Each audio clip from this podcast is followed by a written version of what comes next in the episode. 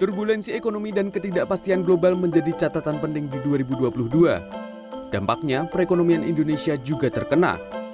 Asosiasi Pengusaha Indonesia atau APindo menyebut lebih dari satu juta pekerja terkena pemutusan hubungan kerja sepanjang 2022.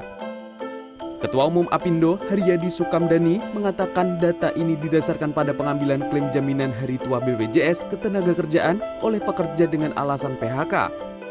Pada periode Januari hingga November 2022 saja sudah mencapai 919 ribu pekerja yang mengklaim jaminan hari tua. Apindo menyebut jika ditambah dengan data Desember 2022 sudah lebih dari satu juta pekerja yang terkena dampak. Haryadi menyebut PHK tak semata dipicu imbas kondisi pandemi COVID-19, tetapi penurunan kinerja ekspor dari sejumlah perusahaan. Persoalan upah minimum juga dinilai turut mempengaruhi langkah perusahaan yang kemudian memutuskan melakukan efisiensi dengan PHK. Sementara dari sektor industri tekstil, Asosiasi Perstektilan Indonesia melaporkan lebih dari 60 ribu karyawan terkena PHK. Ini merupakan imbas dari penurunan pesanan atau order sejak 2022.